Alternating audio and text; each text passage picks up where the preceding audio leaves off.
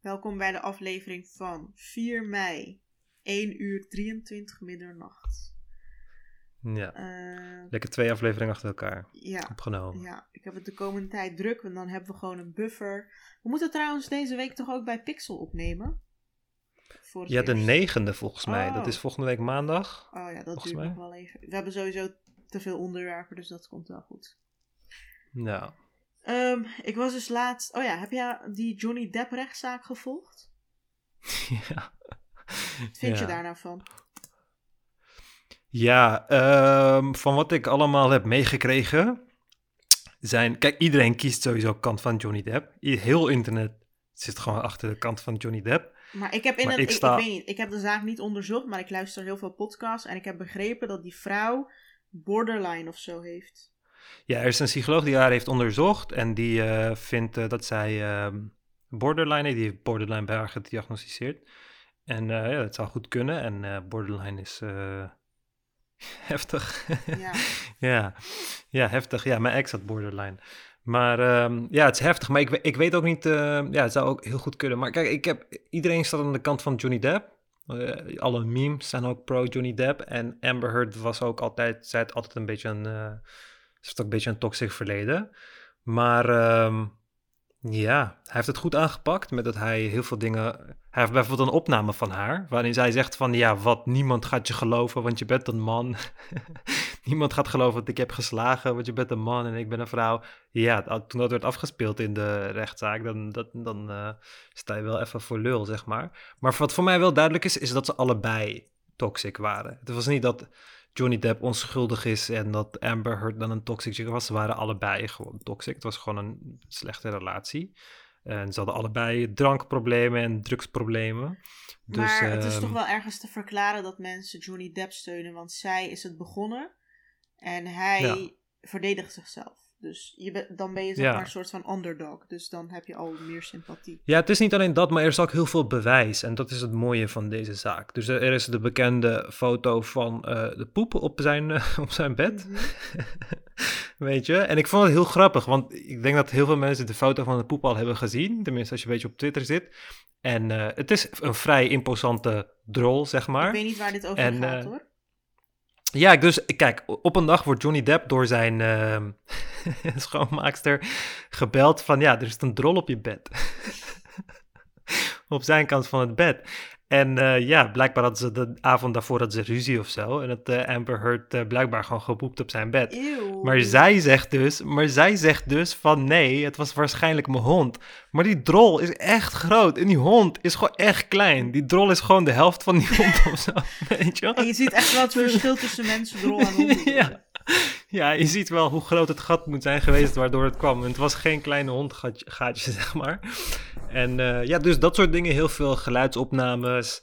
eh, heel veel getuigen die, eh, weet je. Dus dat heeft ervoor gezorgd dat de, de memes, zeg maar, Johnny Depp zijn kant op zijn. En als je de memes in je favor hebt, dan heb je gewoon het internet gewonnen, als het ware.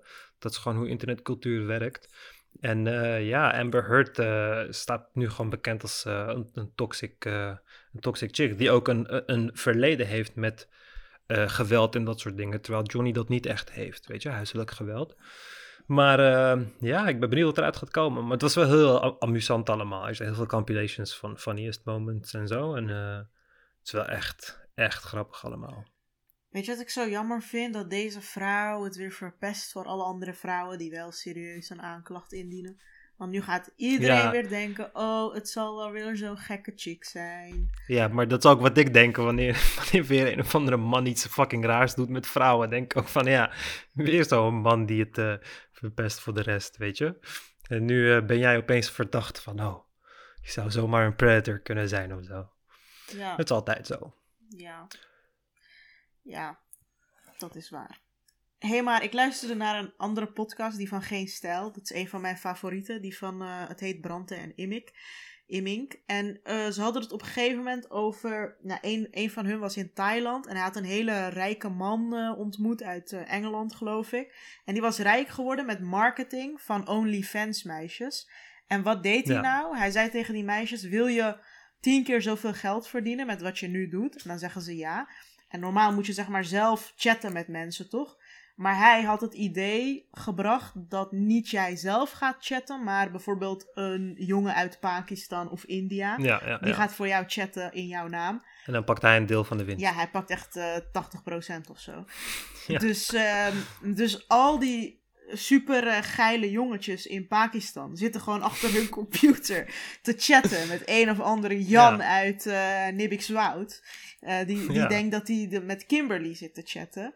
En Ja, als man weet je ook wat een andere man wil horen. Dus je gaat ook, denk ik, beter chatten daardoor. En zo is die Mm. man rijk geworden. En ik vond het echt een geweldig verhaal. Hoe kom je hierop gewoon? ja. Ja, het is, het is heel slim inderdaad. Heb je die... Ja, ik vind OnlyFans echt een mooie uitvinding, man. Ik vind het echt... eh, Oh ja?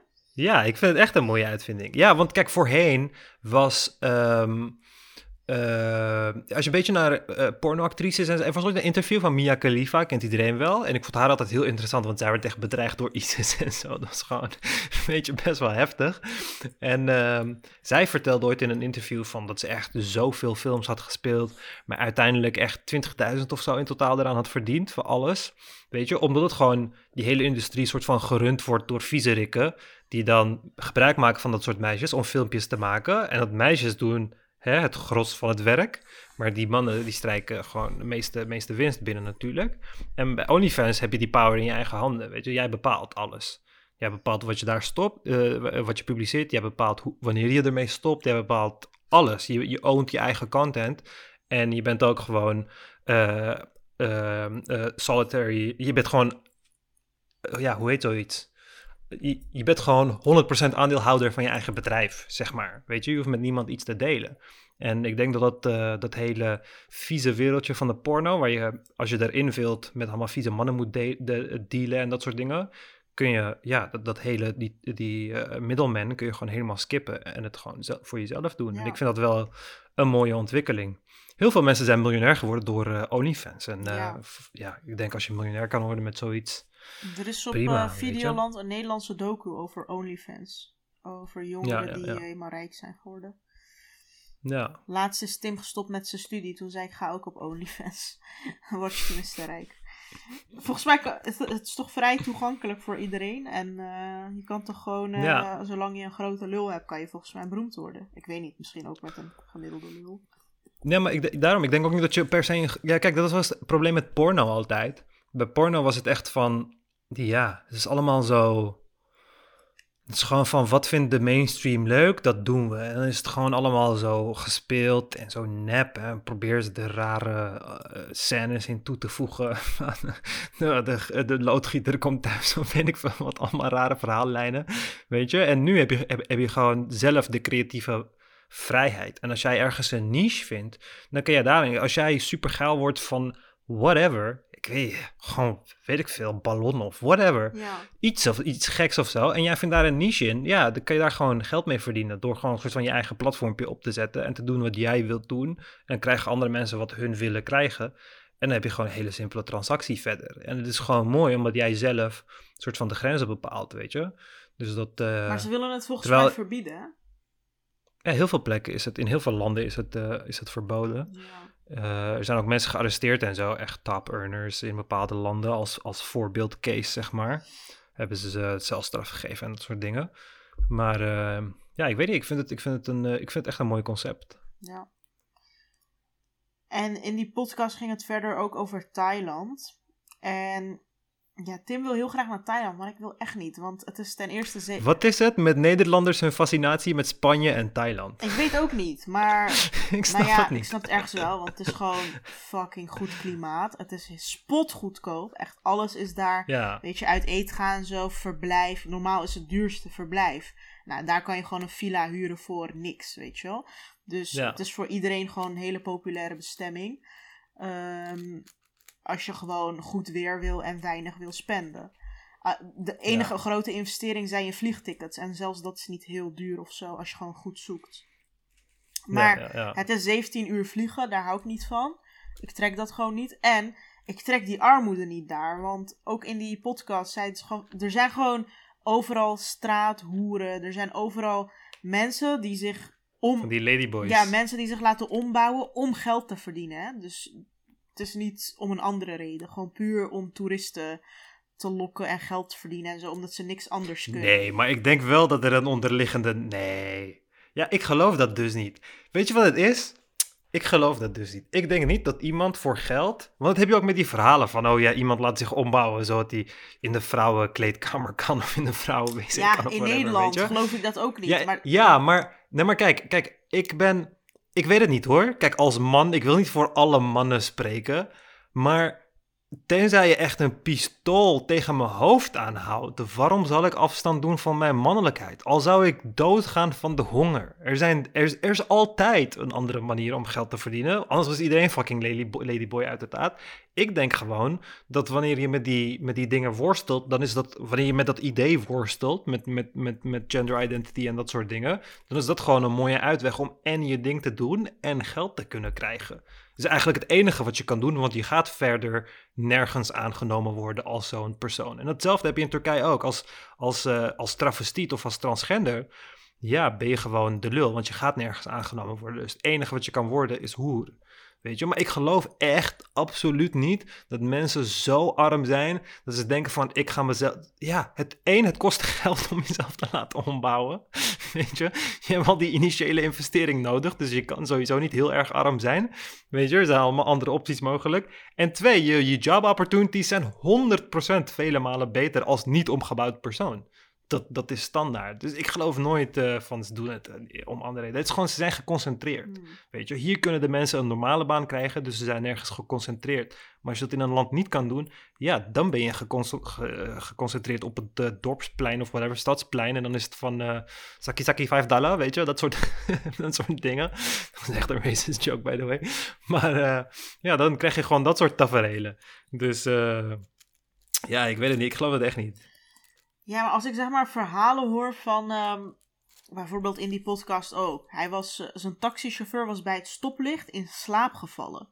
Dan denk ik, wow, besef, mensen zijn zo arm daar en zo, ja, gewoon inhumaan aan het leven. Dat ze bij een stoplicht in slaap vallen. Je ziet overal kinderen aan de lachgas, omdat ze, ja, weet ik veel. Lachgas? Ja, blijkbaar is dat helemaal een dingetje daar. Iedereen... Maar gewoon ballonnetje, ballonnetjes? Ja, gewoon overal op de straat ballonnetjes. Of die slagroomdingen. Slagroom uh, En ik denk echt van, dat wil ik gewoon niet zien. En ook ja. um, bijvoorbeeld India. Mensen gaan naar India. Nou, ik trek het daar echt niet. Ik hoor allemaal verhalen over dat je... Bijvoorbeeld Tim's schoonvader had bij een kind die geld kwam vragen.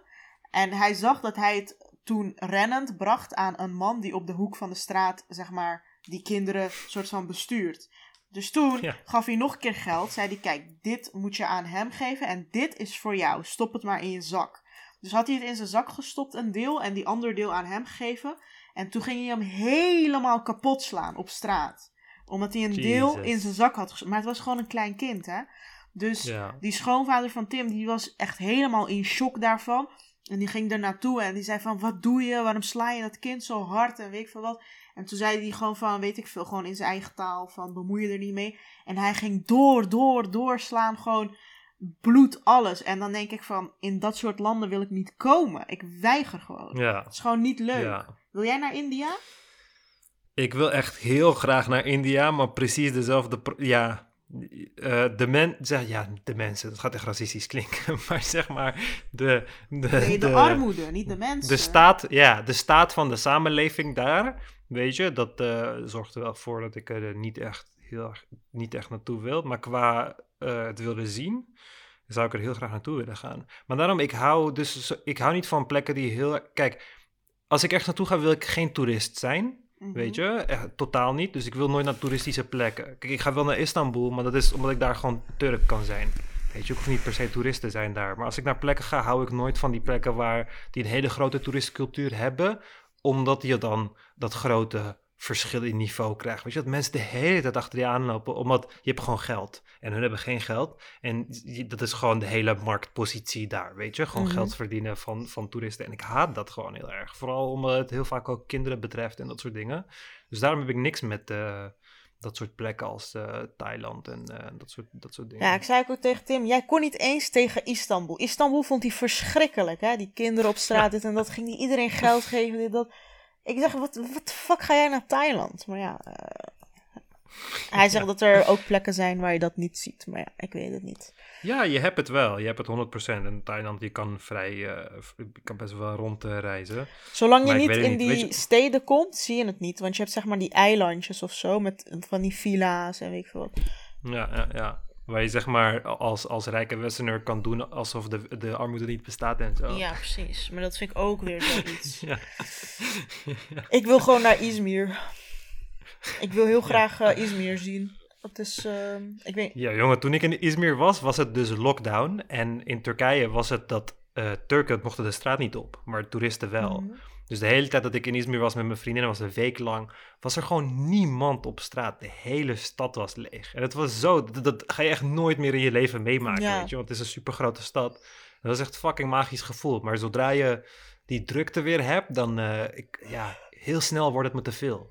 Ik vergeet altijd hoe dat Amsterdam eigenlijk niet echt een stad is, weet je, qua, qua drukte en zo. Het is nog vrij klein, maar echt van die grote steden, zoals Izmir en Istanbul en zo. Na een tijdje wordt, je, wordt het je wel echt te veel. Over drukte gesproken. Dit, deze week ging het over migranten halen naar Nederland, omdat de verzorgingsstaat onbetaalbaar wordt door de vergrijzing. Ik weet niet waar het ineens vandaan kwam, maar volgens mij liggen er allemaal rapporten die zeggen van... jongens, we moeten iets doen, want anders gaat dit gewoon niet goed. En ze willen dat, eh, weer uit het Midden-Oosten en Noord-Afrika doen. En heel veel mensen vragen zich af, maar in Spanje en Griekenland heb je gewoon miljoenen werkloze jongeren. Dus waarom halen we het steeds uit islamitische landen? En ja, ik weet het antwoord eerlijk gezegd ook niet. Maar ze willen. Ja, ja, ik weet het ook niet. Het zou heel goed kunnen dat het baantjes zijn die dat soort mensen niet willen doen. Ja, kijk, het is heel lastig, hè? Want wanneer je dat soort mensen naar hier haalt, dan zijn het voor baantjes die Nederlanders niet willen doen. Ja. Dat is het gewoon, weet je. Dat, dat is waar, waar je het voor wilt. Maar tegelijkertijd willen we ook dat het alleen maar dokters en advocaten zijn die komen. weet je?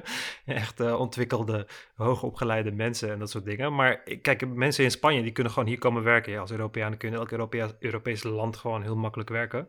En maar blijkbaar wil ze dat werk niet doen. Ja, oh ja, dat was het inderdaad. ja. ze, ze kunnen dat gewoon doen, weet je. je, je bent, heel Europa is gewoon vrij. Je kan wonen en werken waar je wilt. En ja, als die markt niet opgevuld wordt, dan uh, ja. Het is volgens mij vooral in de zorg. En uh, ja, ik weet het even niet hoor. Ik heb me er niet in verdiept. Maar ze willen het uit Tunesië en Egypte en zo halen. En dan heb je weer die vraag van ja, maar dan halen we nog meer moslims binnen. En cultuurclash en dit en dat. En gaan ze wel integreren. En ja, ja, volgens mij kun je ze ook gewoon uit andere landen halen hoor. India of zo, weet je wel. Gewoon Waarom, hmm. waarom per se Noord-Afrika? Ja, India gaan we sowieso. Uh, uh, ik denk dat India. Ik denk dat India het volgende probleem gaat zijn. Na moslims en zo. Denk ik dat uh, India dat gaat zijn. Waarom? Mensen heel erg veel gaan klagen over India. Nou, omdat een van de landen is die het meest geteisterd gaat worden door klimaatverandering. Oh ja, het was 62 graden. Hè?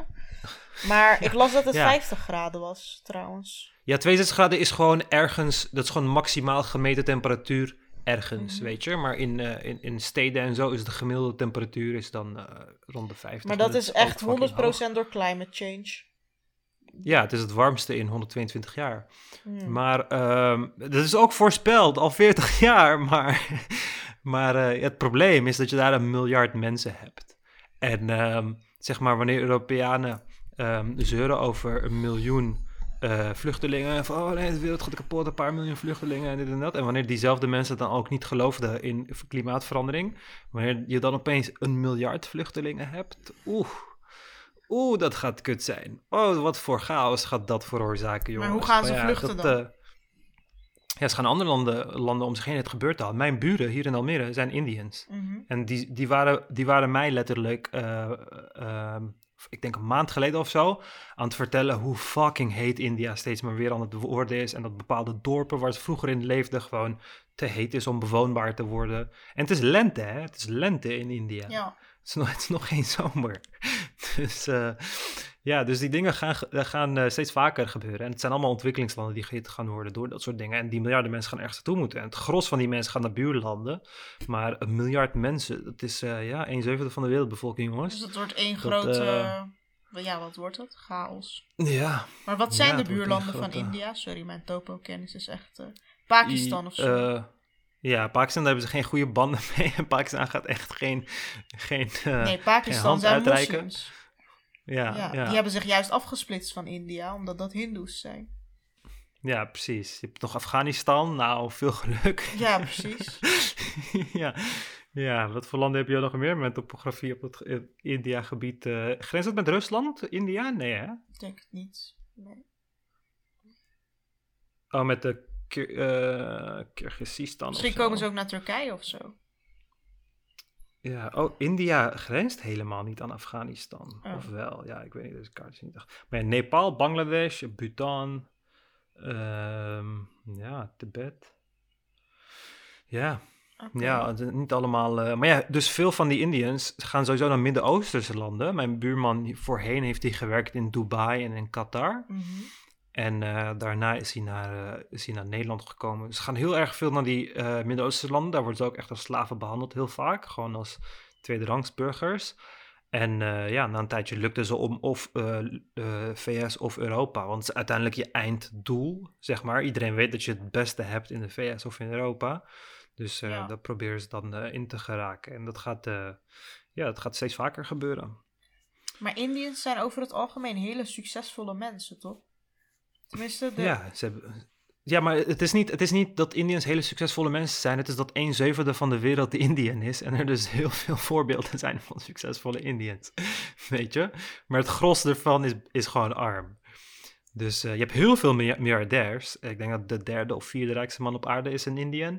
Maar ehm, het komt gewoon omdat je er veel van hebt. Net zoals je veel Chinezen hebt. ja. Is heel, heel gek om te bedenken dat als je in een kamer zit met iedereen in de hele wereld, dan is het gros is Chinees en Indi Indiën, zeg maar. ja. Dat zijn er 2,2 miljard mensen samen. Ja, precies.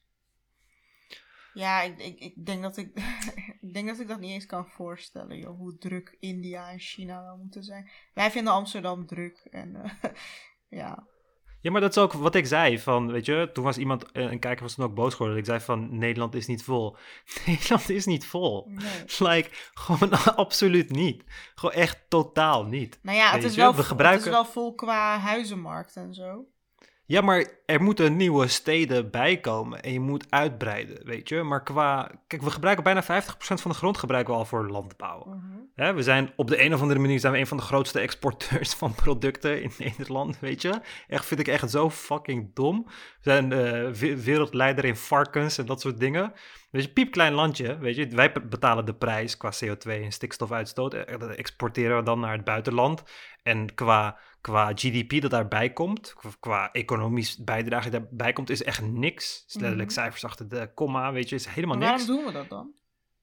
Omdat het voor een paar mensen gewoon heel veel geld oplevert. Hoezo zouden we als superklein land marktleider zijn in paprika's of varkens of kippen en koeien in exporteren? bloemen. Waarom zouden we dat In doen? bloemen zijn wij markt. eh, Ja, bloemen ook, maar ook paprika's. En kaas. Dus bijvoorbeeld, we doen- Ja. Ja, we doen heel veel aan kas en dat soort dingen, terwijl we heel veel eh, dingen kunnen groeien zonder een kas. Weet je, mijn hele ding is ook van de, ja, boeren gaan het echt niet leuk vinden, maar we gaan gewoon genoeg produceren voor onszelf. Weet je, ik ga gewoon heel nationalistisch doen. Oh, dit gaan rechtse mensen echt prachtig vinden. Nederland first. Oké, we produceren alleen maar vlees en groenten voor onszelf. Fuck de EU, toch? Toch? Ja. ja. Fuck de EU. Weet je, dat is echt zo'n rechtse talking points. Ook eens meekrijgen. Laten we voor onszelf produceren. Dan, veroorzaak, dan stoten we alleen de CO2 uit die we zelf verbruiken qua voeding. Hebben we geen stikstofprobleem meer. Hebben we superveel open grond. Kunnen we gigantische bossen bouwen, jongens. En gigantische nieuwe steden. En we kunnen eh, universiteiten hebben over heel Nederland. En er kan zoveel ruimte zijn en zoveel meer natuur in plaats van die saaie groene bullshitvelden altijd. Weet je, laten we gewoon, eh, laten we gewoon dat doen. Dat zou veel mooier zijn. Dus elke keer wanneer mensen zeggen van Nederland is vol, Nederland is vol, denk ik van grap. Er is zoveel ruimte. er is echt zoveel ruimte. Echt niet normaal vergeleken met alle andere landen. En ja, ja het is gewoon uh, een ontwikkeling van een land. En in plaats van al die ruimte te gebruiken voor uh, een handjevol boeren die, uh, weet ik veel, aardappelen voor Bulgarije kweken of zo, kunnen we ja, net zo goed gewoon handige dingen ermee doen waar we allemaal van kunnen genieten. Ja. Ik heb al liever gewoon echt een groot bos dan gewoon al dat landbouwgrond. Gewoon een gigantisch, gewoon ruw, ruig bos. Dat is zo goed voor de ontwikkeling van een land, voor kinderen, voor opvoeding. Dus om in aanraking te staan met natuur en dat soort dingen. Gooi er een paar steden bij, weet je. Kunnen we allemaal doen. Maar uh, ja, Mensen vinden het logischer om uh, een van de kleinste landen in Europa als uh, soort van voedselbron uh, te gebruiken voor heel Europa. Op de een of andere manier, omdat een paar zakken spekt of zo. Dus ja, ik weet het niet. Met het oog op de oorlog is het wel handig dat wij zelfvoorzienend zijn, natuurlijk. Ja, maar daarom laten we niet meer dan zelfvoorzienend zijn. Weet je, want uiteindelijk hakt het in onze CO2-quota en in onze stikstofquota. En ja, waarom? Voor wat? Letterlijk voor wat. Wij zien geen cent van dat terug, vriend, in de economie. Echt, wij zien geen cent van dat terug. Ja. Echt totaal niet. Dus uh, ja, dat hoeft, dat hoeft uh, voor mij allemaal niet. Ja, ik weet ook niet. Er zal wel een reden achter. Ja, ik weet het echt niet. Ja, geld. Zoals altijd. Iemand verdient er geld aan. Dus die zal er alles aan doen om het te laten blijven. En de mensen die willen dat het weggaat, zullen er geen moeite in steken, want ze verdienen er geen geld aan. Dus ja. Jij zei deze week. Standaard verhaal. Ik weet zeker dat Elon Musk gehaat gaat worden over een paar jaar. Ja, 100%. Hoezo? Omdat, omdat als je de CEO bent van een social media... Als je de, de owner bent van een social media platform... je altijd gehaat zal worden. Altijd. Want Elon Musk heeft nog nooit keuzes gemaakt... die uh, afgestemd op zijn op een soort van meningsverschillen of zo. Van, oh nee, jij hebt gelijk of jij hebt gelijk. Maar die keuze moet je maken, dagelijks, miljoenen keren. In een nee, maar hij heeft al gezegd dat hij absolute vrijheid van speech wil. Dus... Dat gaat hij niet doen en dat kan hij ook niet doen. Kan niet, dat is, dat, is onmogelijk. Het is letterlijk onmogelijk. Dus wat hij zegt is van, als IS Twitter wilt gebruiken, dan mag dat. Ja. Als IS via Twitter mensen wilt bedreigen en opsporen, dan mag dat. De grens ligt bij oproepen tot geweld. Ja, maar je hoeft niet tot geweld op te roepen. Er zijn zoveel manieren om. Kijk, mensen bedreigen jou bijvoorbeeld, toch? Mhm. Ik kan jou bedreigen zonder geweld te gebruiken. Of zonder dat het op een bedreiging lijkt. Of zonder dat je het in een rechtszaak als een bedreiging zou kunnen bewijzen. maar dat het voor jou wel heel bedreigend voelt. Dat doen heel, heel dat doen heel veel mensen al. Ja, ik hoef letterlijk, als ik een of andere IS-guy ben met een baard, hoef ik alleen maar in je DM's te sliden en te zeggen van, hey, ik zag je laatst. Maar dat kan, dat kan toch nu ook al? That's it. Ja, ja, ja maar precies. Dus je kan daar geen, uh, je kan daar altijd een uitweg in vinden. Mhm. Het kan altijd. Maar wanneer je, wanneer je een soort van moderator team hebt, dan kan jij, kan dan uh, iets doen als dat aangeven. Mm Weet je? En dan kan een moderator, een echte mens, kan dan zien van, oh, dit is er aan de hand. Dit is La Legule. En dit is een IS, weet ik veel wat. En dit, die heeft dat gedaan. En dit is waarschijnlijk de onderliggende gedachte. Dus hier gaan wij een stokje voor steken. En dat is altijd zo. En je zal dat ook moeten doen wanneer landen uh, valse informatie verspreiden. Ga je dat ook moeten blokkeren. Want bij bijvoorbeeld in de EU heb je nu wetgeving, dat is net gepast, dat uh, social media kanalen, die hebben nu allemaal strenge regels opgelegd gekregen. Dat ze meer moeten optreden voor misinformatie, meer voor bots, meer voor buitenland, regeringen buiten Europa om die proberen te meddelen in Europese social media. Hè, door allemaal pagina's aan te maken en onzin te verspreiden en dat soort dingen. Er zijn allemaal regels opgesteld. Als jij een social media kanaal wilt hebben die serveert in Europa, die, die de, de klanten, zeg maar, aanbiedt, die shit aan klanten aanbiedt in Europa, dan moet je die regels volgen. En het hele probleem van Elon Musk is altijd geweest, hij heeft nul details tot nu toe. Hij heeft geen duidelijk plan of zo. Weet je, zegt absolute vrijheid kan niet. Het is gewoon, uh, uh, gewoon volgens de wet, volgens de Europese wetten is het letterlijk niet mogelijk. Weet je? En we weten wat er gebeurt met, ik bedoel, 4chan had je ook nooit censuur op. We weten wat voor fucking rioolput dat is geworden. Dus uiteindelijk heeft hij nog steeds geen plan gepresenteerd of zo. En uiteindelijk gaat hij die keuzes moeten maken, want anders heb je geen platform. En ja, ik weet het niet, maar ik vind het kopen van Twitter vind ik echt een van de domste dingen dat deze man ooit heeft gedaan. Ik zie hem ook echt doordraaien de laatste jaren, een beetje ego-trippen. Het is echt een van de domste. Het is financieel ook echt totaal niet haalbaar. Het is echt een van de domste zetten. Het is ook logisch dat uh, ze gelijk ja hebben gezegd. Weet je, maar om die, om die 40 miljard terug te verdienen, dat is echt onmogelijk. Weet je, het, het meeste geld dat Twitter ooit heeft verdiend is 300 miljoen. Maar, Dat is het meeste wat ze ooit hebben verdiend in een jaar. maar waarom zeg maar. kost dat dan zoveel? Ja, ja omdat te- techbedrijven hun eh, beurswaarde enorm overschat zijn. Kijk, je moet je voorstellen, het eh, autobedrijf dat het meeste waard is in de hele wereld is Tesla. Ze zijn ongeveer een triljoen waard op dit moment.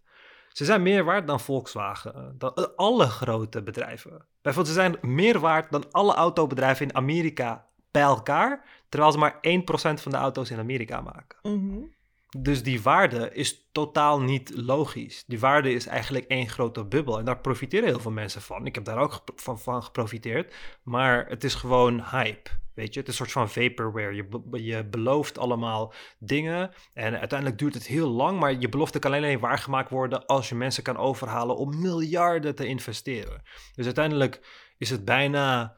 Weet je, wel, het kan succesvol werken, maar het, het loopt bijna tegen een Ponzi-scheme aan. Waardoor je gewoon hele overpriced eh, bedrijven krijgt. En alle techbedrijven hebben dat. Weet je, Tesla is totaal geen triljoen waard. En Twitter is ook totaal geen 44 miljard waard. Ja. Weet je, echt absoluut niet. Maar eh, ja, het is gek. Hij heeft gewoon, ik denk dat het gewoon uit een soort van, eh, ja, ik weet niet, het is gewoon een domme zet. Ik weet niet of het een midlife crisis was of whatever. Maar ja, hij gaat moeten moderaten en moderators worden altijd gehaat. Dat is gewoon de regel van het internet. Je kan nooit iedereen tegelijk blij houden. Je gaat altijd keuzes moeten maken die voor de ene partij nadelig gaan voelen. Dus eh, ja, ik eh, denk echt dat die voorspelling waar gaat komen, heb ik volste vertrouwen in. Maar hij trolt ook heel veel. Hè? Hij zegt: Ik ga Coca-Cola kopen, Ja. ga ik de coke erin doen. En... Ja. ja, maar daarom, hij heeft een hele grote Twitter-following en dat kan tegen je hoofd aanstijgen. Ik heb dat heel vaak meegemaakt. Kijk, als je iemand hebt die gewoon echt slim is en hij weet van zichzelf, hij is slim, maar heeft weinig aandacht. Hij maakt niet veel vrienden, geen succes bij de vrouwen en dat. Als je dan opeens die dingen wel hebt, dan ga je je jeugd herbeleven. Dat is wat je gaat doen. En als je tegelijkertijd en de rijkste man op aarde bent en fucking 500 eh, miljoen Twitter-followers, hoeveel hij er ook heeft, hebt, weet je. Je, je, zit letterlijk op de top van de wereld. Je hebt letterlijk een open kanaal met miljoenen mensen. Geen enkel berichtenservice bereikt meer mensen dan jouw tweets, weet je. En, en je hebt ongelimiteerd geld bijna. Dus dat eh, gekoppeld met menselijke onzekerheden en emoties en eh, hormonen, is dat eh, zelden een, een goede combinatie. Ja. Ja, heel veel mensen zijn benieuwd wat het, wat het gaat worden. Ik ook. Maar, ja, ik voorspel één grote shitshow. Echt. maar gaat hij het wel kopen? Of gaat hij het gewoon bij dit aandeel houden? Ja, hij probeert. Het, is- het is nu maar ehm, de vraag of hij het geld bij elkaar gaat kunnen sprokkelen. Hij heeft allemaal leningen aangevraagd.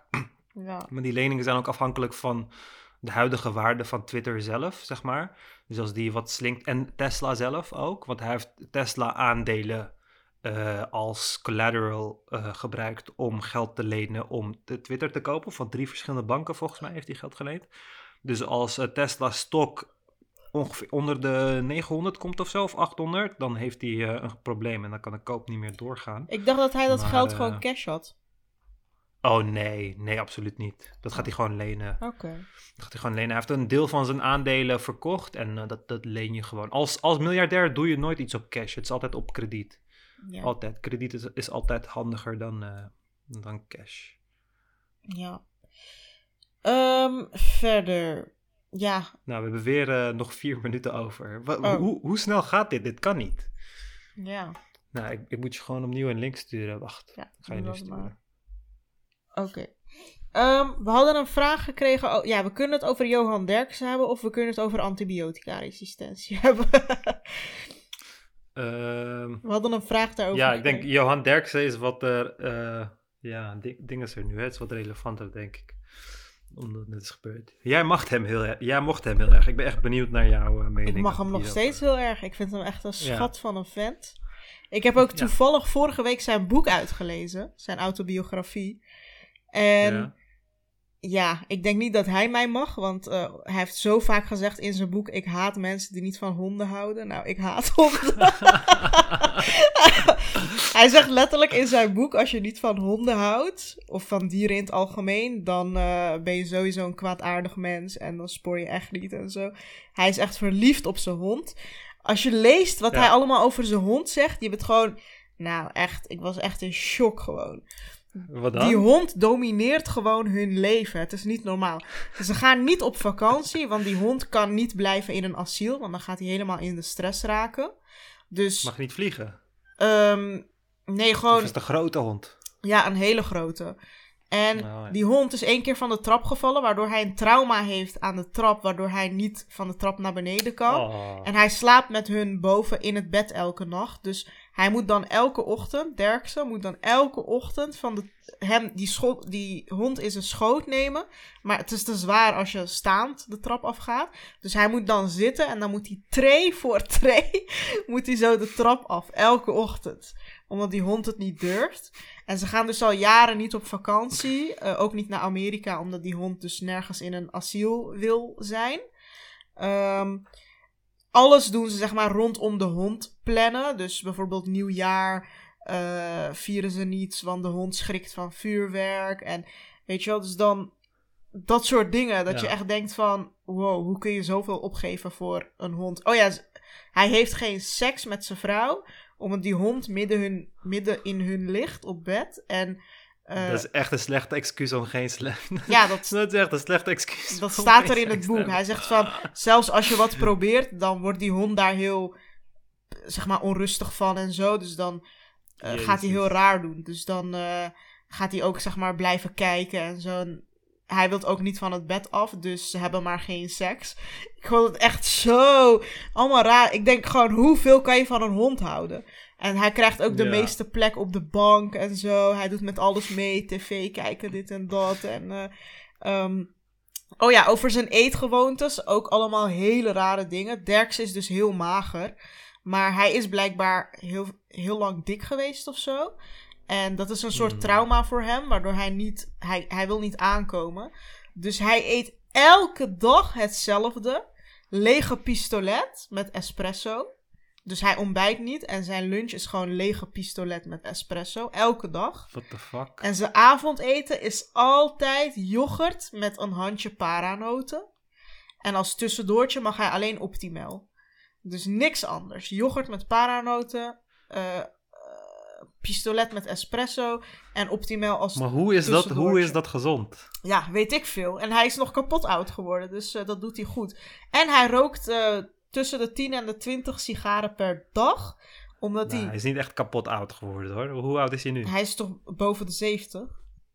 Ja, maar ja, gemiddelde sterftecijfer is wat 85 of 84 of zo. Dus ja, hij heeft nog 10 jaar te gaan. Als hij 10 jaar overleeft, dan heeft hij een gemiddeld leven gehad. Hmm, ja. Ja.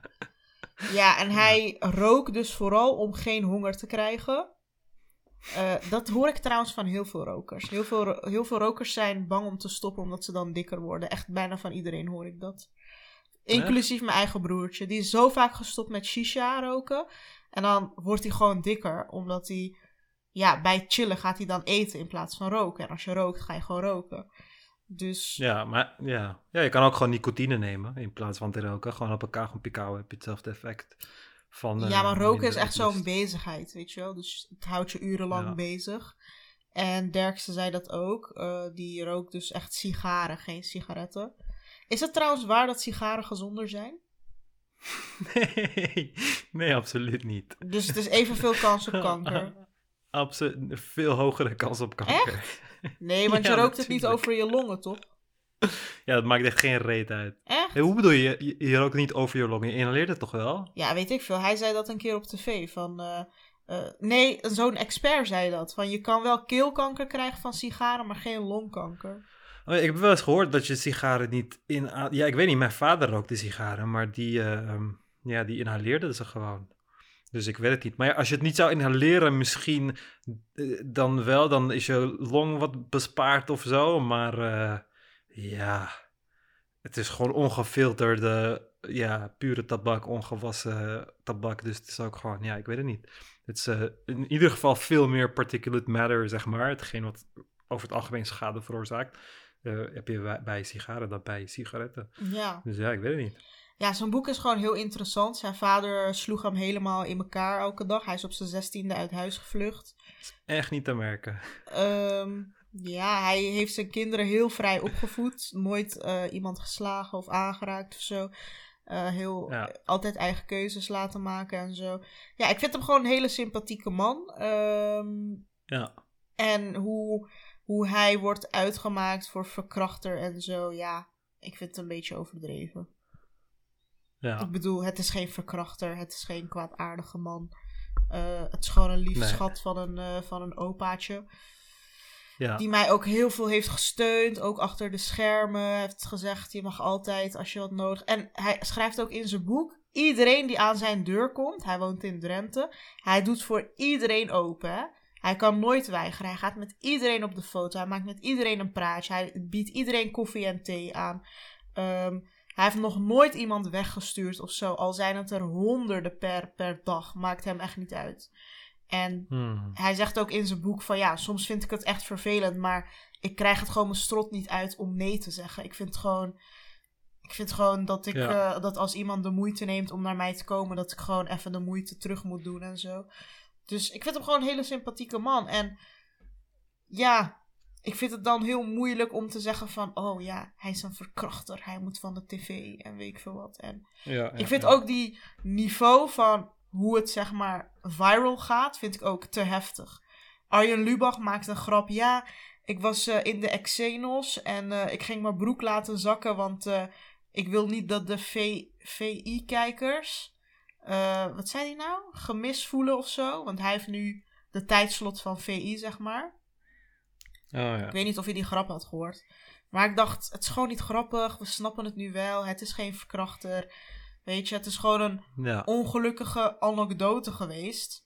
Ik vond het wel raar dat hij ging switchen van erin stoppen naar duizend uren kaars tussen de benen. Toen dacht ik, ja, dit is gewoon Ja. onzin.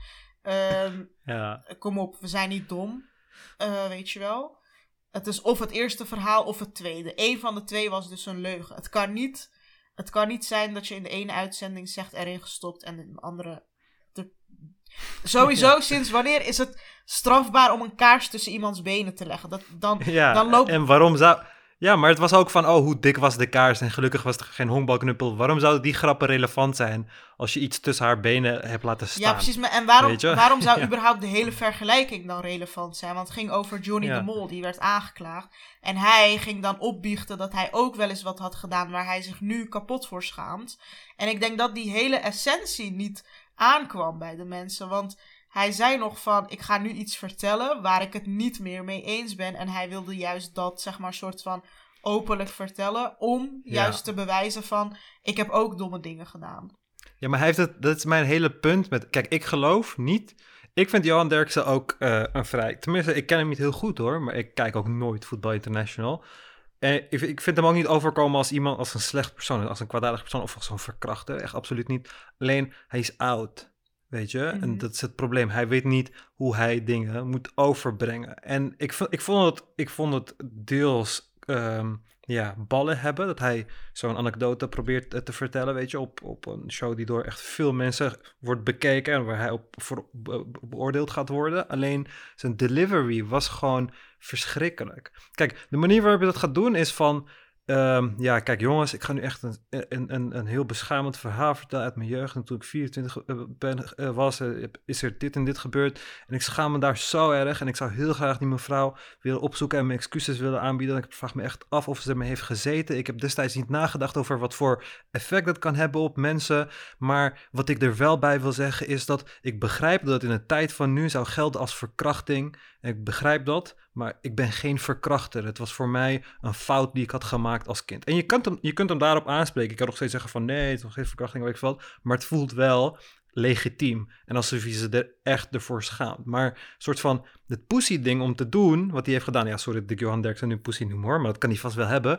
Eh, de pussy ding om te doen is om iets ergs wat je hebt gedaan, ehm, zeg maar lacherig over te brengen. Een soort van humoristisch over te brengen. Ja. Want dan probeer je het luchtig te houden. En het is logisch waarom je dat wil doen, want hij schaamt zich ervoor. Dus hij wil niet als slecht persoon neergezet worden, maar daardoor ehm, iedereen lacht met jou mee. Weet je, Ja. en je hebt een soort van voorbeeldfunctie. En daardoor lach je om het leed van die persoon. En wat eerst begon als een soort van welgemeende eh, ja, eh, bekentenis, als het ware. Om een soort van een, een, een, een, een, een les te leren of whatever. heeft hij het gewoon heel snel naar die kant op gegooid. En dat is gewoon mannenpraat. Dat is gewoon mannen, zodra ze het hebben over een onderwerp dat een beetje te diep gaat, dan ga, je erom lachen om het luchtig te houden, omdat we mannen gewoon problemen hebben met emoties, als het ware. Met over emotionele dingen en zich kwetsbaar stellen en dat soort dingen. Dus we willen het heel graag naar de humoristische kant trekken. En dat is zijn grote fout geweest. En als hij in zijn tweede deel dat had proberen recht te zetten, in plaats van te doen alsof het nooit is gebeurd. En dat was voor mij die, die ouderdom dus. Want hij dacht letterlijk van, ik ga gewoon op tv zeggen van, oh nee, ik heb er niks in gestopt. Ik heb gewoon een kaars tussen de benen laten staan en mensen gaan het geloven. Weet je, dat is echt een oude manier van denken, want je hebt niet de, de connecties gelegd van, niemand gaat aan het geloven. Je, je kijkt er echt doorheen, weet je. En ja, dat zie ik bij, bij hem heel erg. En hij heeft heel vaak die fouten begaan. Hè? Hij heeft best wel... Uh, gekke shit gezegd over het algemeen. En niks is echt direct waarvan je kan zeggen van... oh ja, dat is racistisch of whatever. Het heeft wel een vlaagje, maar het heeft dezelfde vlaag als je opa... die geen vlieg kwaad doet en die eigenlijk ook helemaal niet racistisch is... maar nog de smaak van humor van de jaren 70 eh, heeft... en alleen maar racistische grapjes kan maken, weet je. Die mensen heb je. Die kunnen alleen maar racistische grapjes maken de hele tijd. Het zijn geen racisten, maar ze, zitten, ze zijn gewoon niet meegegaan met de tijd... waardoor ze niet begrijpen dat dat soort dingen niet meer kunnen. En ja, dat, dat ziet hij gewoon niet. En ja, hij heeft heel vaak die fout begaan door de jaren. Dus ik denk dat het voor hem ook tijd is om te stoppen. En ook belangrijk is om te zeggen van ik stop zelf en niet alles van oh ja, cancelcultuur en dit en dat en dat. Dat vind ik ook wel jammer, want dan gooit hij het op die boeg. En dan krijg je zo'n van twee extremen. Om de ene kant er extreem mee aan de haal gaat, dan eh, gaat de andere kant ook het over die boeg gooien. Maar uiteindelijk kiest hij er wel zelf voor om mee te stoppen. En ik bedoel, dit is Johan Derksen. Sinds ik hem ken, is hij al echt dertien keer gestopt en weer teruggekomen. Dus, ik geloof eh, niet dat hij gaat stoppen, want dat stond ook al in zijn boek. Uh, kijk, ik zei het ook al in die uitzending dat toen ik daar was. Waarom zit je niet in Spanje of in een een of ander warm land van je geld te genieten? Die man heeft het geld niet nodig, hè? Hij doet het puur om, want dat is gewoon zijn zuurstof. Die, zijn mening geven, aandacht krijgen. Dat soort mensen kunnen niet stoppen. Die leven daarvoor. Die gaan gewoon tot hun graf verder. En wij kunnen ons daar misschien niks bij voorstellen, maar dat soort mensen vervelen zich gewoon thuis. Ik mhm. denk oprecht dat hij nu thuis zit en denkt van, oké, wat nu? Weet je wel? Ik wil gewoon weer op tv. Um, ja, ik kan me daar niks bij voorstellen, want ik wil juist thuis zitten en dingen doen waar ik, die ik leuk vind. Maar uh, die, dat soort mensen zijn gewoon verslaafd aan hun werk, weet je. Ze, ze hebben altijd gewerkt, altijd gerend van werk naar werk, aandacht, spotlights. Die kunnen niet zonder dat. Dus ik geloof niet dat hij gaat stoppen. En wat betreft cancelcultuur. Kijk, hij heeft al zijn dingen tegelijk verloren. Hè? Dus hij is overal ontslagen. Uh, de sponsoren liepen weg. Toto en weet ik veel wat. Hij, zijn radiostation hoefde hem niet meer. Al zijn lezingen en weet ik veel wat gingen niet door. Want hij deed ook van die theatershows of zo. Ik weet niet meer. Ja. Uh, maar al, gewoon al die nevenbanen die hij had, die zijn ook allemaal weggevallen. En dat vindt hij dan wel weer cancelcultuur. Ja, ja maar dat is, dat, is voor iedereen zo, weet je. Want het wordt echt gezet van, oh, je mag niks zeggen over dit soort, je mag niks zeggen over dit en dat en dat. En is een links fenomeen of whatever. Maar dat geldt overal, weet je. Sponsoren willen zich gewoon niet, willen gewoon niet zich associëren met mensen die op dat moment negatief in het nieuws staan, want dat is negatief voor het bedrijf. Dus dat mhm. gebeurt bij iedereen. Het is niet alleen bij Johan Derksen, het gebeurt bij iedereen. Maar in hoeverre... En het is eerder... Is het... het is eerder ook gebeurd, maar ze komen altijd terug. Zodra de stof gedaald is, komen ze weer terug. Het gaat ze echt puur om, nu is het negatief, dus nu kunnen we niet die negatieve associatie hebben met ons bedrijf. Zodra het stof gedaald is, gaan we er weer mee door. Want eerder voorheen is het toch ook gebeurd dat uh, toen met Aquasi en zo, toen die Aquasi een aap noemde of zo, whatever. Nee joh, wat aap? Uh, hij zei van, uh, weet Nee, Sylvana noemde hij een aap, ja. Echt? Oh, dat weet ik niet eens. Ja, hij zei toen Sylvana als een trotse aap door de stad ging, uh, dat zei ze. Maar nee, een trotse aap zijn is een, is een gezegde. Ja, ik weet het, maar hij weet dat. Kom op. Of kijk, dan ben je of dom, of je probeert gewoon de grens op te zoeken. Ik denk oprecht dat hij dat niet zo heeft bedoeld. Ik denk, kijk, net als circusaap zijn. Ja, dat is gewoon iemand die de hm. aandacht zoekt. En je kan dan zeggen van ja, wat loop jij er? Iemand kan dan tegen mij zeggen, je bent net een circusaap, weet ik veel Ik weet het, maar als je, als je het hebt over iemand die dan actief is in het hele veld van, uh, waar hij dan ook tegen is, want hij vindt dat een beetje overdreven en zo, en je hebt er al kritiek op en je gaat dan aap gebruiken, dan of dan ben je heel erg naïef, weet je, of je probeert gewoon, en ik ken dat, ik hou ook van chockeren, ik hou ook van de grenzen opzoeken en dingen zeggen Mhm. die eigenlijk niet hoort te zeggen, ken ik, weet ik allemaal, maar dan moet je wel ook op de blaren zitten. Weet je, dat hoort er gewoon bij. Als je klappen wilt uitdelen, dan moet je ze ook incasseren en dan moet je echt niet zeuren. Dat is gewoon, dat is belangrijk. Bij Aquasi deed hij dat ook. Dan was, het van, was er een of andere Zwarte Piet met een Zwarte Piet bord van Zwarte Piet Lives Matter. Toen zei hij van, eh, weten we zeker dat het Aquasi niet is? Ja. Van, oh ja, want de black people lijken gewoon allemaal op elkaar. Weet je, is ook een racist joke. Het, is niet, het zegt niet dat je racist bent, maar het is letterlijk een joke die een opa, die een racist opa zou maken. Die Mhm. gewoon racist jokes maakt. Die verder gewoon een schatje is. Het is gewoon een sl- schatje, is geen slecht persoon. Hij wil geen allochtonen uitroeien of ze het land uitzetten. Maar hij maakt gewoon een racist joke, want hij vindt dat kunnen. Want hij komt uit een hele andere tijd, weet je. En dat is voor hem gewoon de, de fout. Is gewoon veel te oud geworden daarvoor. En hij beseft de, de zwaarte van zijn woorden, de, de kracht van zijn woorden snapt hij niet. Want hij is ook, ik denk, een beetje verslaafd, zoals je ook zegt, aan al die exposure en zo. Maar je moet wel bewust zijn van ja, de kracht van je woorden. En heel zorgvuldig zijn met dingen die je gebruikt. Want als je door, ik weet niet hoeveel mensen naar kijken, een miljoen of zo, door zoveel mensen wordt bekeken, dan kun je ook een miljoen meningen verwachten. En daar moet je dan, eh, ja, het is een mijnenveld. Dat hoort er gewoon bij. Wist je dat hij drie ton heeft overgemaakt aan een dieren... eh, goeie- goede doel van, oh, voor dieren of zo? Ja, dat is, dat, daar was ik het ook wel mee eens hoor. Ik, ik, eh, ik vertrouw mensen die niet van dieren houden, vertrouw ik ook voor geen meter. ja, Maar echt waarom? voor geen meter. Ik heb echt niks met specifiek honden of zo. Ik heb het met alle dieren. Als je gewoon niks met dieren... Kijk, als ik een dier zie ergens, moet ik hem gewoon aaien of van dichtbij zien. En weet ik- dat moet gewoon. En ik moet hem even liefde geven en dat soort dingen. Weet je, dat, dat hoort er gewoon allemaal bij. En als iemand dat niet heeft, dus we hebben helemaal niks met dieren, dan ja... Dat is voor mij een van mijn ehm, prerequisites, zeg maar, mijn requirements in een relationship. Als een chick gewoon niet van dieren houdt, ja, sorry, gaat echt helemaal niks worden. Oh, joh, ik, ben- voel me echt eenzaam in deze wereld. Waarom heb ik niks met dieren? Heb je niks met geen enkel dier? Kijk, ik vind ze gewoon schattig en zo, maar ik hoef ze echt niet als huisdier of zo. En Tim wil heel graag een Ja, maar ik denk dat je dat... Hebben jullie huisdieren gehad bij je ouders? Nee. Ja, daar komt het door. Daar komt het door. Weet je wat het is? Je moet gewoon verliefd worden eerst. Want je hebt gewoon een dier, maakt niet uit welk dier. Maar dat dier gaat gewoon... Op een dag is het di- dier moe en dan komt het zo naar je toe en dan klimt het zo op je en dan gaat het in je nek slapen zo.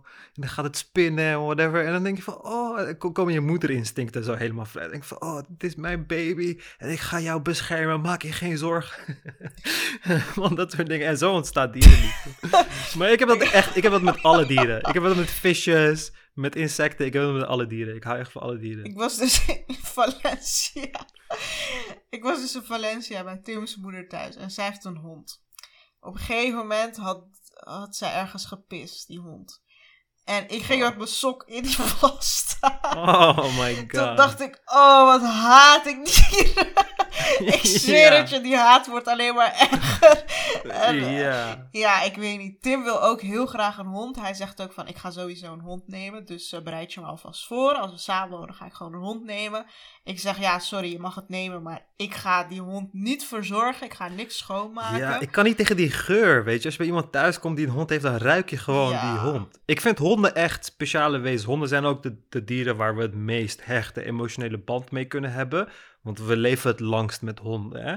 En honden hebben letterlijk, zeg maar, wolven hebben minder controle over de spieren in hun gezicht dan honden. Honden hebben controle geleerd over de spieren in hun gezicht, zodat ze dingen kunnen als zielig kijken en opgewonden kijken, wenkbrauw omhoog, omlaag, weet je, allemaal dat soort dingen. Omdat het heel goed werkt om te communiceren met ons, dat soort eh, visual cues, zeg maar. Ja. En daardoor hebben we gelijk. Dan zien we van, oh, hij voelt zich nu schuldig. Of hij is nu verdrietig en dat soort dingen. En bij wolven heb je dat veel minder. Dus we zijn samen geëvolueerd om eh, met elkaar emotioneel in verbindenis te kunnen komen, als het ware.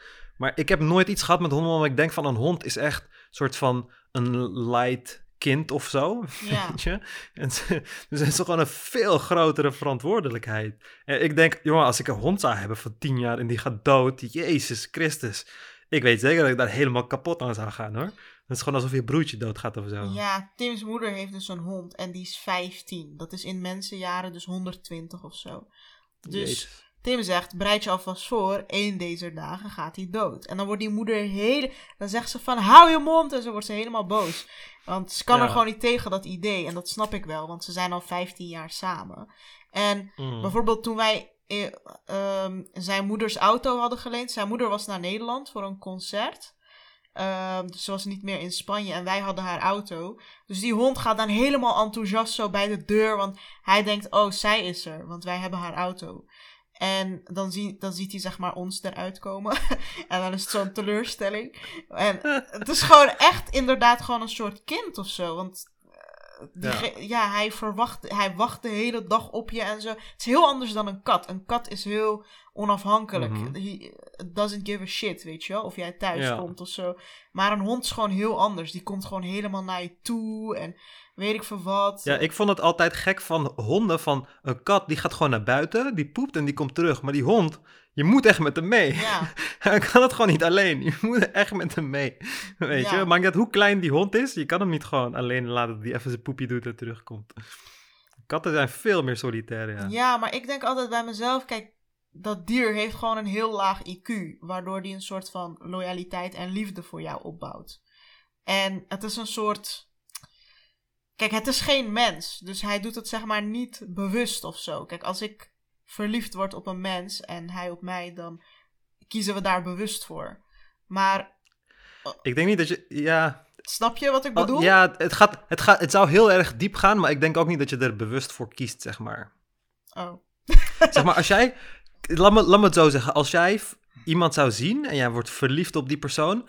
Het maakt niet uit hoe vaak je die scenario opnieuw zou afspelen. Jij zou toch verliefd worden op die persoon. Jij hebt geen keuze dan verliefd worden op die persoon. Want het verliefd worden op die persoon is niks anders dan de chemische reacties die die persoon teweeg brengt in jouw hersenen. Ja, dus die precies. persoon zal dat op zo'n moment waarschijnlijk ook doen.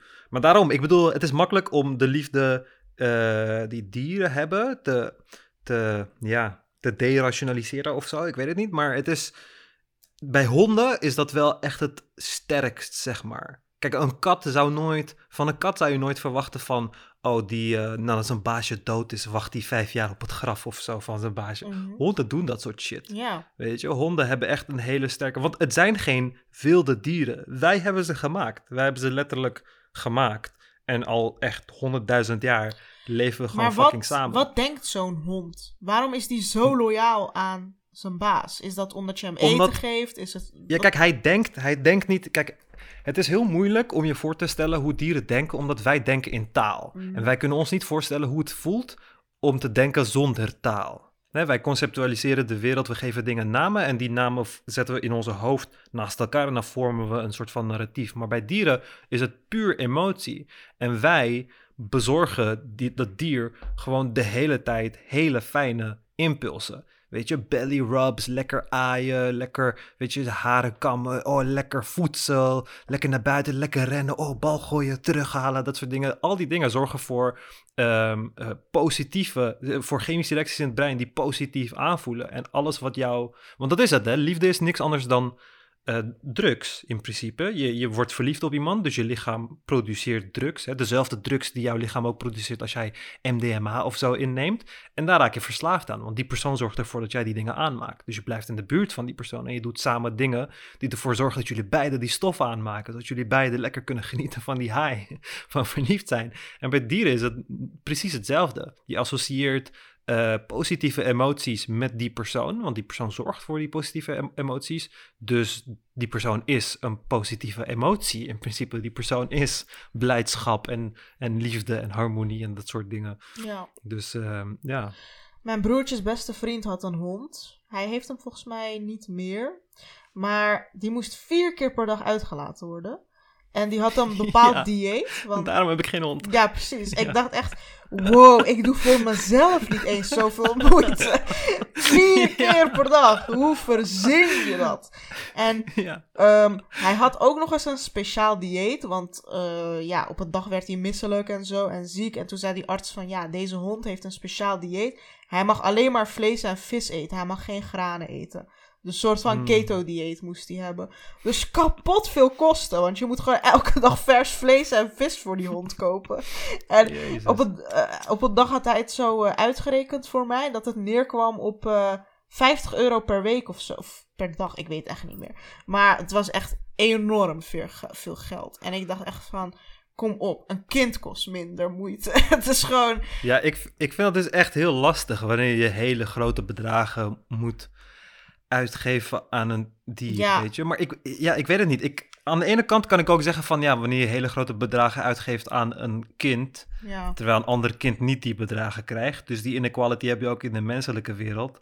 Maar ja, soms is het wel echt extreem, man. Soms. Uh, ja, een dierenarts is echt heel duur.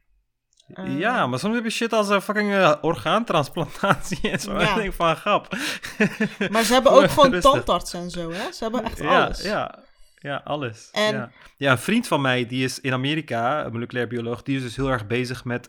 Kijk, we hebben dus heel veel van die verschillende hondenrassen gemaakt. Hè? We hebben ze allemaal gecreëerd door, oh, deze lijken op elkaar of deze hebben kenmerken die we willen, dus die fokken we met elkaar. Maar dat heeft gezorgd voor heel veel inteelt. En omdat we hebben geselecteerd op uiterlijk, hebben we ook heel veel innerlijke schade dingen meegenomen, genetische mutaties. Dus heel veel honden die lijden aan genetische mutaties. Heupproblemen, diabetes, hartproblemen, allemaal verschillende dingen. En een vriend van mij, zo'n hondenfokker, uh, die werkte in een olieveld en die, heeft zichzelf moleculaire biologie aangeleerd. En hij is nu bezig om al die mutaties, die negatieve mutaties, weg te halen in al die rassen. Maar om een soort van platform te ontwikkelen waarbij het simpel genoeg is, waarbij uh, gewoon simpele hondenfokkers het zelf kunnen doen. Waarbij je hondenfokken naar een niveau tilt waarbij je zeg maar genetische fouten kan wegselecteren.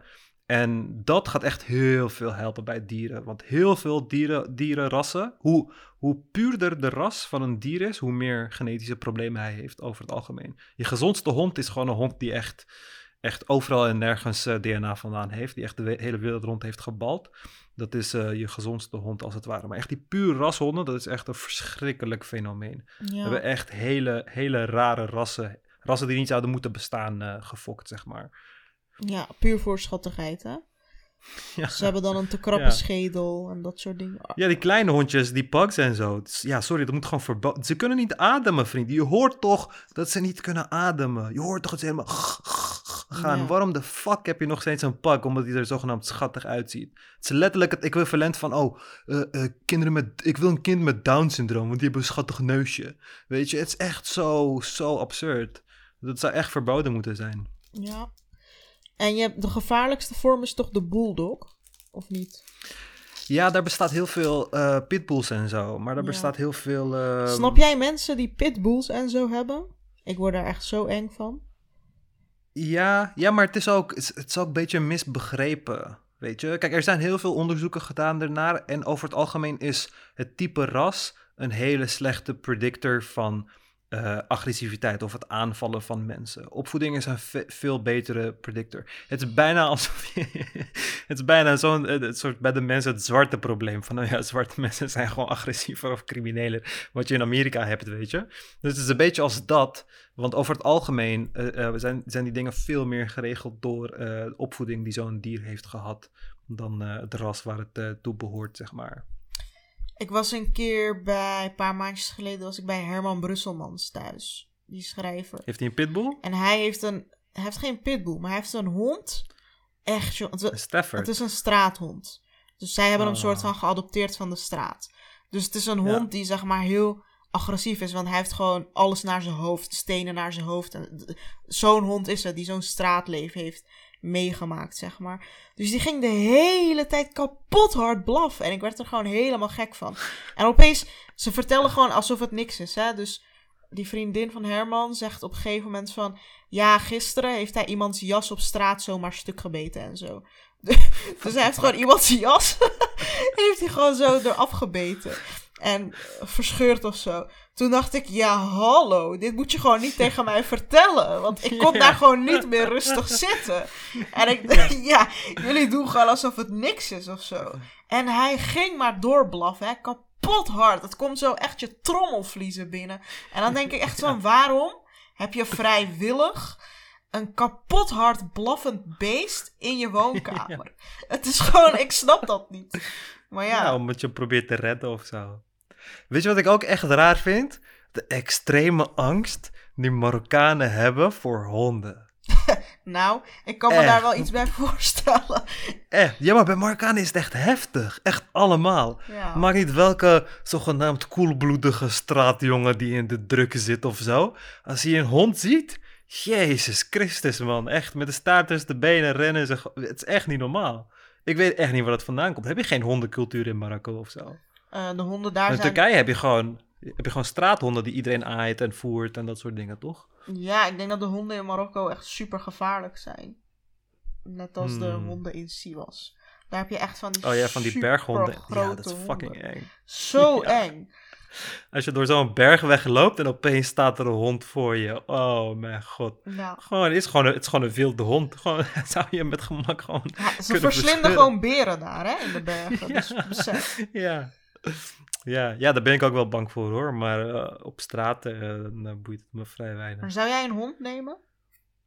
Of is dat Misschien als ik wat ouder ben. Misschien als ik wat ouder ben. Ehm, ja. Ja, ik denk misschien als ik wat ouder ben wel. Ik wil wel heel graag dat mijn kinderen opgroeien met dieren. Maar katten of ehm, zo? ja, katten lijkt me ook wel. Ik ben sowieso een kattenmens. Ik ben mijn hele leven opgegroeid met katten. Onze huiskat, dat was echt het hoertje van de buurt. Dus wij hadden altijd gewoon nestjes. Elk jaar hadden we gewoon een nestje met echt vijf, zes kittens. En eh, dus ik ben wel echt verslaafd aan katten. Maar ik weet ik hou van alle dieren. Ik denk dat ik later dus echt veel dieren ga hebben. Maar ehm, ik weet nog niet wat allemaal. Dingen die je niet hoeft uit te laten, in ieder geval. Ja, precies. Kijk, Mushu is makkelijk, weet je. Mushu kan gewoon ehm, drie maanden zonder eten, een maand zonder water. Jeetje. weet je. Dus dat maakt echt totaal niet uit. Mushu die eh, heeft het gewoon chill. Als hij maar zijn UV-straling en zijn insecten heeft, dan is hij blij. Oh ja, dat is trouwens echt een tip.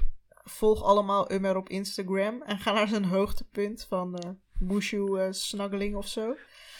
Dat oh ja, ja, ik heb drie, drie stories waar ik hem eh, het vliegtuig in smokkel. Ja, Ja. dat is echt zo...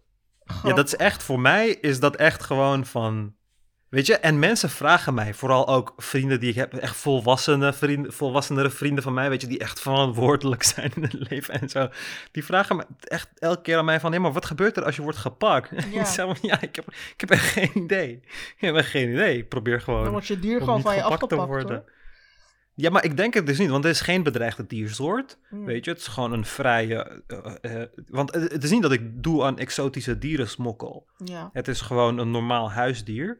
En ehm, ja, het is gewoon, er is geen mogelijkheid om een ticket te kopen. En voor de rest zoekt niemand gevaar, want hij brengt geen. Hij, eh baartegamen hebben geen virussen of ziektes die ze een land kunnen eh, inbrengen, zeg maar. Dus ik kan ook niet de lokale ecosystemen kapot maken, wat vaak eh, een reden is om dat soort dingen niet toe te laten. Het is gewoon dat baardagamen worden gediscrimineerd en die kunnen geen paspoort en vliegticket krijgen. Dus ik moet hem elke keer eh, via Italië het vliegtuig insmokkelen. Waarom via Dus, eh, Italië? ja. Omdat Italië het enige land is waar je gegarandeerd bent dat je nooit door een full body scanner hoeft. Oh. Er, er zullen wel meer landen zijn, denk ik, maar Italië kwam ik als eerste op. Dus ik pak altijd zo'n Flixbus van Amsterdam naar Italië. En dan pak ik vandaar het vliegtuig. Om, Maar eh, Italië staat toch juist bekend nemen. om de drugsmafia en zo? Ja, maar op de een of andere manier, dat is het probleem ook. Hè? Want ik bind hem elke keer om een middel en dan draag ik zo'n baggy trui. En elke keer lukt het gewoon. Elke Mhm. keer gewoon. Ik, ik moet er alleen voor zorgen dat ik niet piep door de metaaldetector. Want anders gaan ze je fouilleren. En het is vrij makkelijk om er zeker van te zijn dat je niet gaat piepen. Weet je? Dus ik loop gewoon, gewoon een beetje confident zijn. Maar elke keer denk ik van, wow, het is gelukt. Maar ik had dit ook met coke kunnen doen. Ja, en nu gewoon een ton kunnen verdienen of zo, weet je? Is het zo makkelijk. Maar ja, eh, omdat je weet, omdat ik weet van, hé, hey, als ik gepakt word, ik ga niet de gevangenis in. Ik ga geen gigantische boete of zo krijgen. Ik denk het enige wat gebeurt is dat ik, dat ik het vliegtuig niet in word gelaten. En dan probeer ik het de volgende dag gewoon weer. weet je, voor mij maakt dat geen reet uit. Maar voor zover ik weet, zijn er geen, eh ja, celstraf of grote boetes of zo voor dat soort dingen. Dus ik maar, ben gewoon een onschuldige jongen die houdt van zijn, eh, van zijn hagedis. ja.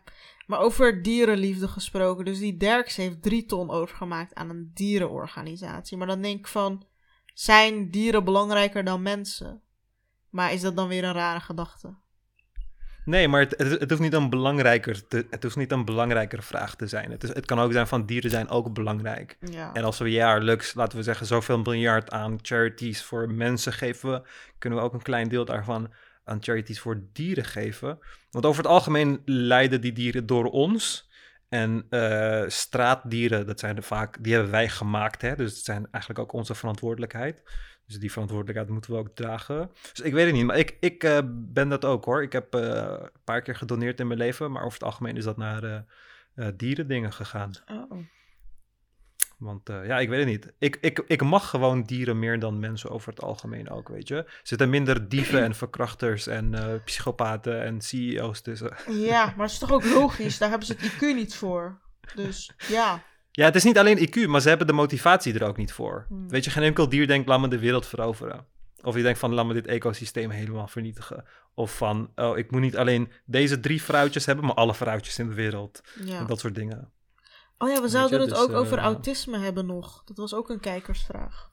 Ja, dat doen we wel in de volgende aflevering. Trouwens, heb jij ooit een test gedaan op autisme? Ja. Ben jij autistisch? Nee.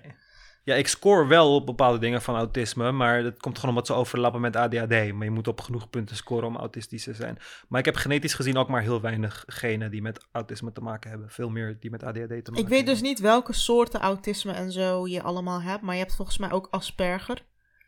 Ja. En wat is dat precies? Ja, ik, tegenwoordig noem je het ook geen Asperger meer, maar het ligt ook op het spectrum. En dat heeft ook uh, verschillende gradaties. Dus dat ligt gewoon op het autisme spectrum ook. Ik hoor dus heel vaak dat ik autistische trekken heb, maar ik, ik heb het nooit getest of zo. Maar ik heb een keer symptomen autisme gelezen. Toen dacht ik, wow, dit ben ik echt 100%. Ja, maar één tip voor wanneer je symptomen van uh, psychologische dingen gaat uh, lezen toen ik net begon met psychologie, een beetje het DSM doornemen en zo, waarin alle, alle uh, psychologische ziekten staan, dan praat je jezelf echt alles aan. Dan denk van, wow, dit heb ik, wow, dit heb ik ook. Maar het is belangrijk dat het in een professionele setting gebeurt, want die symptomen zijn vaak, um, uh, niet alle drukte is echt drukte of zo. Of mhm. niet alle, je kan niet concentreren, is niet, je kan niet concentreren. Weet je, dus heel veel van dat soort dingen. Niet, weet je, volgens iedereen van, oh, als ik, als ik dit papiertje rechtzet, oh, dan heb ik gelijk OCD of zo, weet je.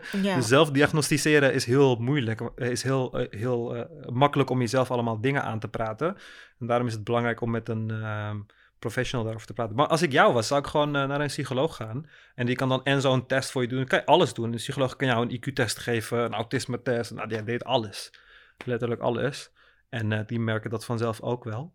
Maar ja, het is wel interessant om te doen. Ik zou het je wel aanraden. Ik had op de universiteit een keer voor een onderzoek IQ en EQ-test gedaan. Mijn IQ was gewoon normaal, denk ik. Ik weet het even niet meer. Maar mijn EQ was echt fucking hoog. Dat is echt, echt? extreem hoog, ja. Daar was ik wel trots op. Ja, ik heb niet een heel. Ik heb iets boven gemiddeld EQ, maar, IQ, maar. Maar ik wil eigenlijk een aflevering doen over IQ's een keer, want ik heb ook echt een probleem met IQ. Maar kunnen we het ook wel koppelen aan uh, ras en IQ en zo kunnen we het ook daarover hebben. Oh nee, doe dat maar niet. nee, maar gewoon de, de positieve kant, weet je. Want ik heb echt veel mensen gedebate in dat altijd. Dus uh, dan kunnen mensen leren waarom dat ook allemaal bullshit is. Hmm, Oké. Hmm. We hebben weer. Uh, Gaan we dat echt doen? Ik weet niet of dat verstandig is, maar. Nee, maar we kunnen toch die banken in plaats van. Ik ga niet zeggen dat uh, zwarte mensen zijn dom of weet ik veel want Ik ga juist die punten die banken van waarom dat allemaal bullshit is. Ja, oké, top. Ja, ja, daar heb ik echt aflevering over doen. Moeten we gewoon een keer doen. En we moeten ook een keer autisme-symptomen oplezen. Ja. Vind ik wel leuk om te kijken. Ja, ik moet even weer duiken in de laatste research over autisme. Dus daar heb ik wel een paar dagen voor nodig. Want het is wel lang geleden dat ik in de meest recente bevindingen heb gedoken, zeg maar. Maar, uh, oh. Maar uh, ja, dus dat moet ik wel uh, even doen. Helemaal kut. Nou, we hebben weer een tijdlimiet bereikt van Zoom. Maar ik zie ook dat we over de uur zitten. Dus ik ga het hierbij afronden. Alvast bedankt voor het luisteren. En uh, mochten jullie ons willen steunen, dan kan dat op ikgaleven.backme.org. En tot de volgende keer.